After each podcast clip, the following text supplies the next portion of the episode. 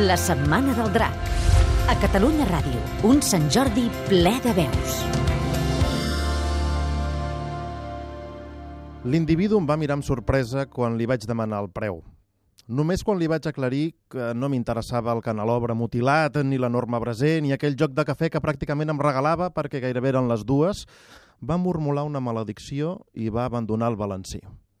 Va travessar amb dificultat la ferralla escampada per terra i em va costar la caixa amb un aire sorneguer a la mirada. Era un estoig de fusta fosca sense cap ornament, a excepció de diverses fileres de palanques diminutes.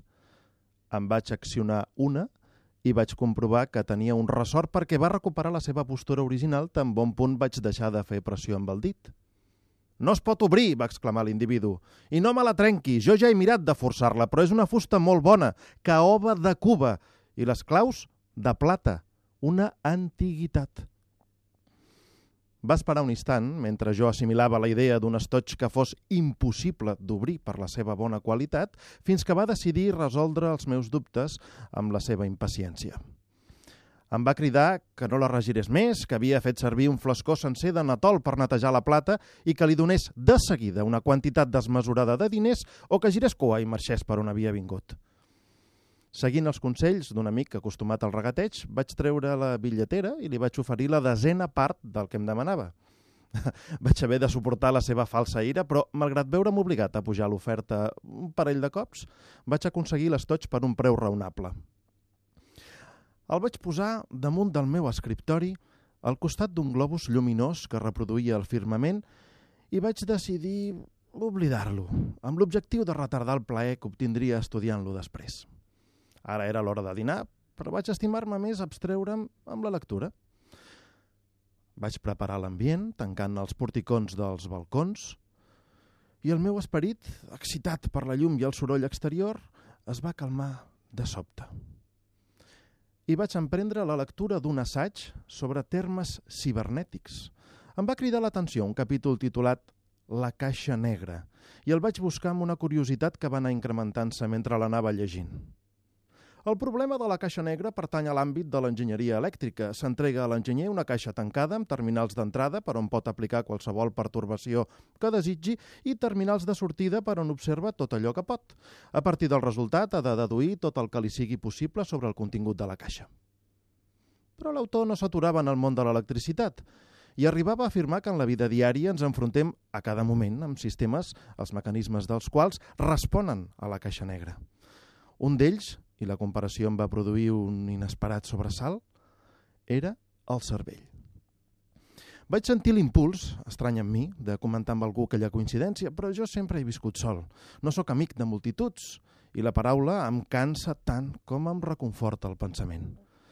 Tan sols en els moments d'estupor, com el que em provocava la compra matinal d'aquell estoig inobrible i la posterior lectura de la caixa negra amb la referència al que considerava el més íntim i ocult de la meva persona, el cervell, Enyorava, potser sí, lleugerament, aquell cop, la presència d'un estrany.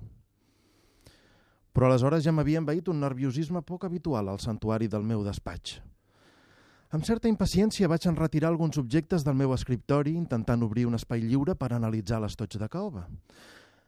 Un cop instal·lat, i amb un cert ordre a la taula, vaig accionar un per un tots els ressorts de la caixa. Però no vaig aconseguir obrir-la.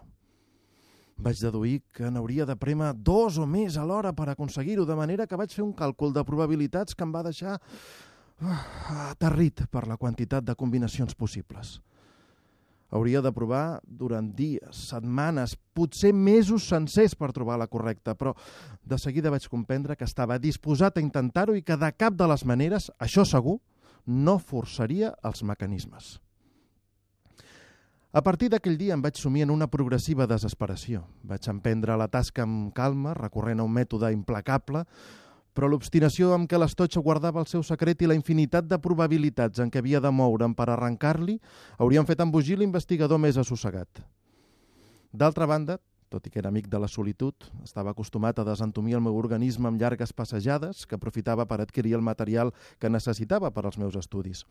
En canvi, en aquesta tessitura va arribar el moment en què no sabia si era de dia o de nit.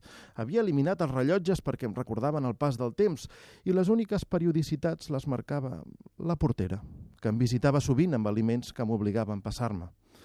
La senyora m'havia interromput els pocs dies del meu aïllament per interessar-se per la meva salut, i tot i que la seva intrusió va significar la pèrdua de tota una sèrie que vaig haver de repetir, vaig entendre que ho havia fet perquè temia el pitjor del meu prolongat silenci i li vaig agrair que batllés per la meva supervivència.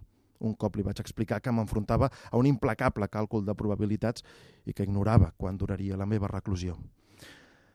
Així, durant dos mesos, la portera em va servir el menjar i va retirar les restes, sempre en silenci, tal com li havia demanat el dia de la seva intromissió. Durant aquests dos mesos no vaig fer cap altra cosa que prémer els diminuts ressorts de plata. Mai he arribat a obsessionar-me tant per trobar la solució d'un enigma. Per això, en el moment increïble en què en accionar cinc de les claus vaig poder escoltar un petit clic, tot el meu cos va vibrar per l'emoció més intensa. Em vaig posar dret sense poder controlar els meus moviments. La tapa de caoba s'havia desplaçat lleugerament i una ranura finíssima evidenciava que, desxifrat el seu secret, s'entregava a la meva voluntat. La vaig alçar amb suma lentitud i a l'interior de la caixa vaig veure que hi havia ah, un estoig més petit, de vellut. Vaig témer per un moment que dugués un nou sistema de defensa, però de seguida vaig comprovar que estava tancat amb un senzill mecanisme. En obrir-lo i en observar el misteri revelat, no vaig poder evitar que em rodés el cap lleugerament. Es tractava d'un daguerrotip molt ben conservat. Era el retrat d'una parella sobre un taló de fons on es representava una multitud alegre vestida de carnaval. L'home, disfressat d'arlequí, Mirava la càmera amb un somriure immòbil de complicitat.